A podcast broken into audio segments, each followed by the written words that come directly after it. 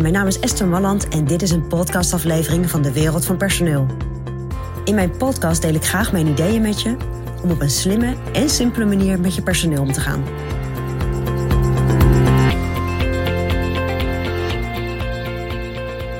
Als de arbeidsmarkt wat krapper is en je wilt toch die goede kandidaat binnenhalen, dan ben je wellicht geneigd om daar iets aan je beloning te gaan doen. Om misschien iets ruimer te belonen dan je in het verleden hebt gedaan.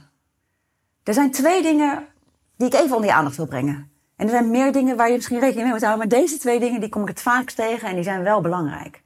Want op het moment dat jij meer beloont en je doet dat op een andere vorm dan bijvoorbeeld het gewone basissalaris, dan heb je te maken met een werkkostenregeling. En je hebt een vrije ruimte binnen die werkkostenregeling.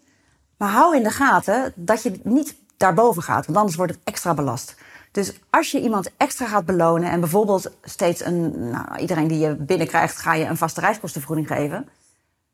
Zolang dat nog kan, hè? want we gaan daar wel een verandering waarschijnlijk in krijgen, omdat mensen meer gaan thuiswerken. Maar goed, alle componenten die jij vastzet en die je in je vrije ruimte van de werkkostenregeling moet opnemen, ja, die tellen natuurlijk op. Dus overleg even goed met je accountant of degene die dat voor jou in de gaten houdt. Hoe zit het met mijn werkkostenregeling en welke ruimte heb ik nog? Uh, ook als ik losse looncomponenten toe ga voegen. Want er zijn natuurlijk een aantal componenten die niet belast zijn. En dat zijn de interessante componenten. Daar kan je nog mee spelen. Daarnaast een ander punt. Op het moment dat jij ruimer gaat belonen dan je gewend was, betekent dat ook dat je eigenlijk je hele loongebouw iets op gaat tillen. En loongebouw is een zwaar woord, maar dat je in feite de verhoudingen tussen de medewerkers die jij eh, in je bedrijf hebt, dat je die iets gaat verhogen.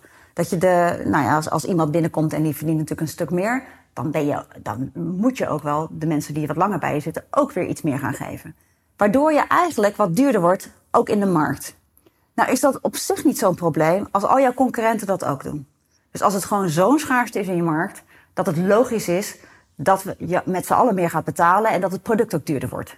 Maar als jij een van de weinigen bent in de markt die extra hoog gaat betalen om die goede mensen binnen te krijgen, ja, dan moet je uitkijken. Want op termijn zit jij dan dus met een veel hogere uh, kosten, kostenpost aan personeelskosten dan je concurrenten. En dan wordt het wel een lastige.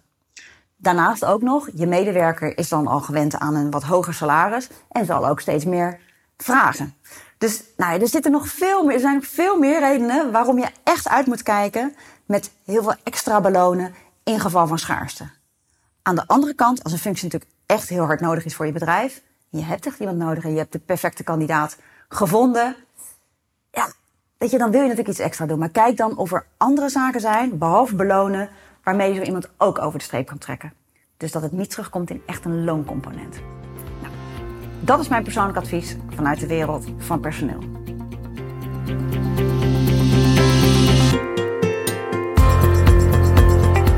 Wil je ontwikkelingen in de wereld van personeel blijven volgen?